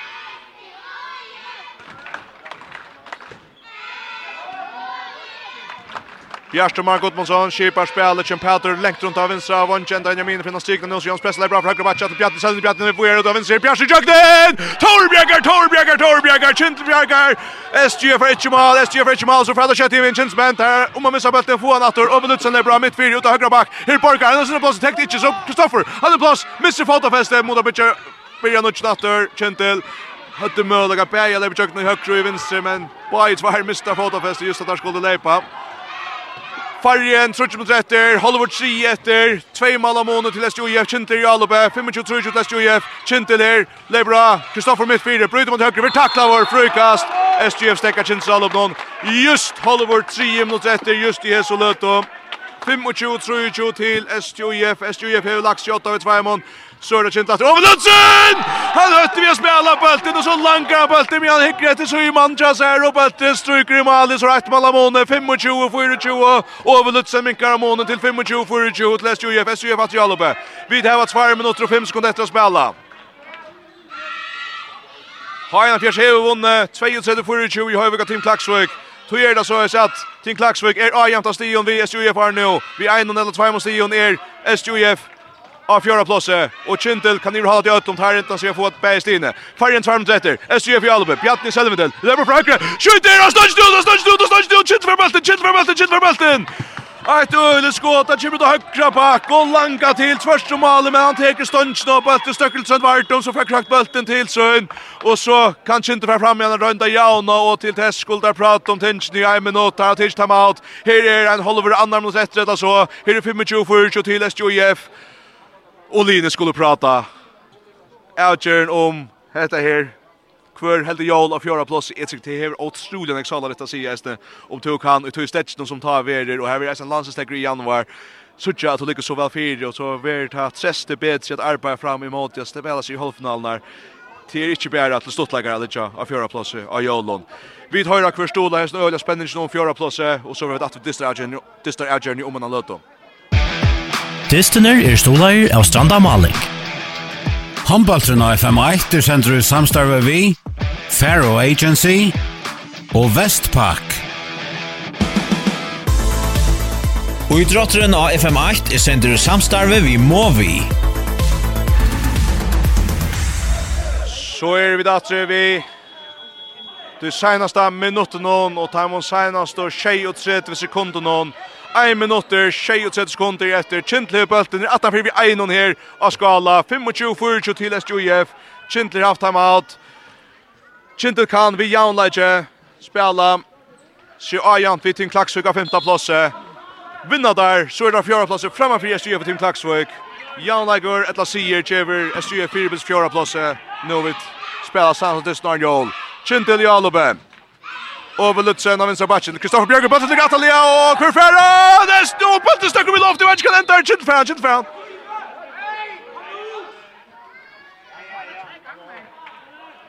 Er en dratt øyelig kaos bollen Blue Laser ta bollen ska steppas av batchen av mina. Så färra en tvärchins men och en sjufärd tvärd nästan og bollen flyr upp i loft.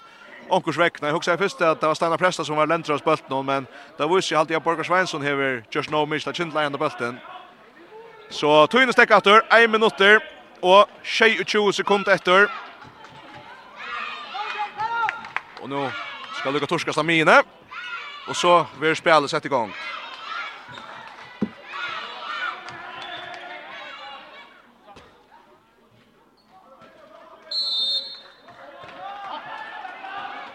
Kjentil i alloppen nå.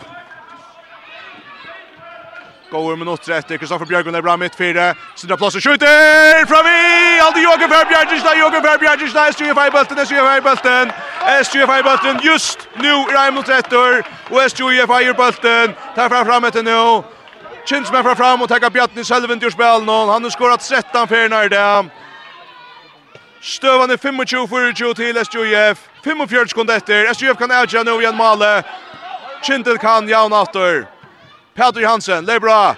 Krossar Jons Presta. Och på skjuta i målet! Och i målet! Och i målet! 26 för skjuta Sjujev. Halver mot rätter. Kinsmen fram fram. Och det sudda vänster rock. Daniel Jugg över tackla över Harst. Brottskast. Tog stäcka. Shages kom efter. Shages kom efter. Tog stäcka. Kintel har brottskast. Jag vet inte om vi är någon grunn rövsing. Ja, det har varit tvär mot Svanjen Stinsen. Och rätt kors Let's see ut this sin kjønn, ja.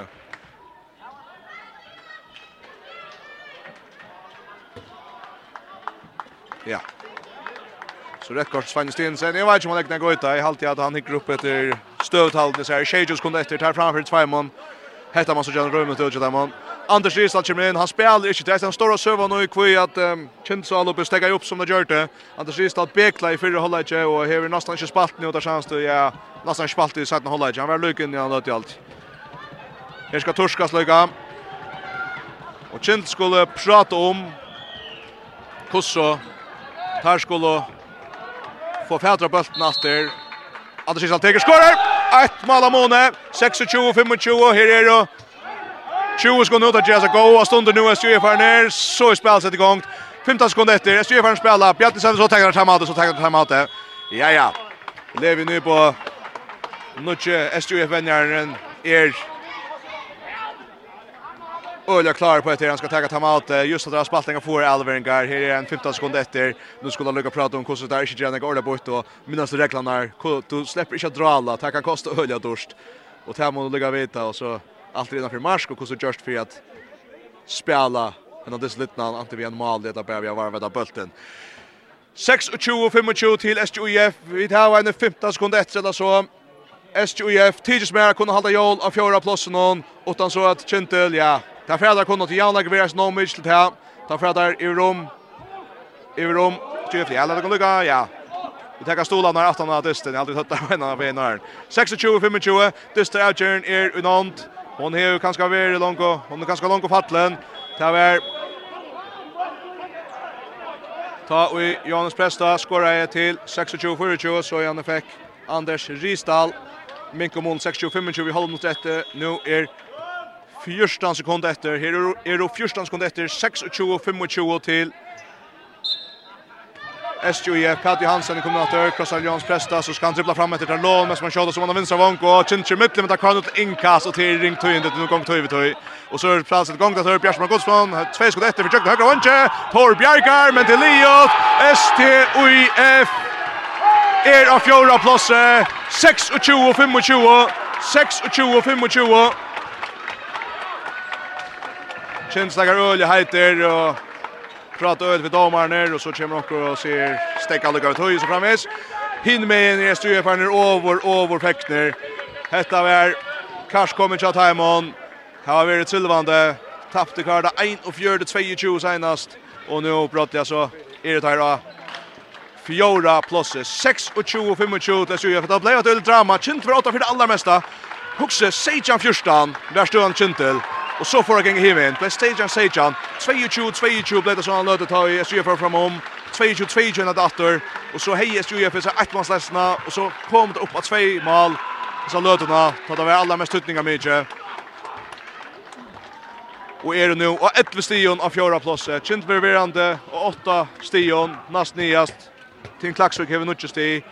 Nesten reist 8 sti. Det er til fyra linjer som fra distast om fjorda plåse etter øtlen av døma, og etter øtlen av döma efter distan där så ver det ett drama helt till det senaste 26-25, og vi kunne helt kjøtt Kjøsa dags leikara, det har stendig med svart, det tar godsen i Kinsmann nå, men det er ikke han til Bjarni Selvendi, og det er Ulle einfalt, han skorar 13 mål ut av 26, helten av heltina av SJF Malnon.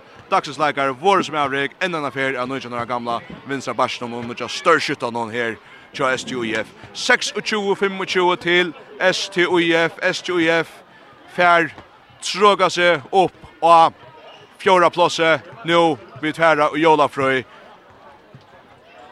Her er at hever KF vunnet 28-23 av VF, og skal si at VF er ikke helt sikkert enn helter.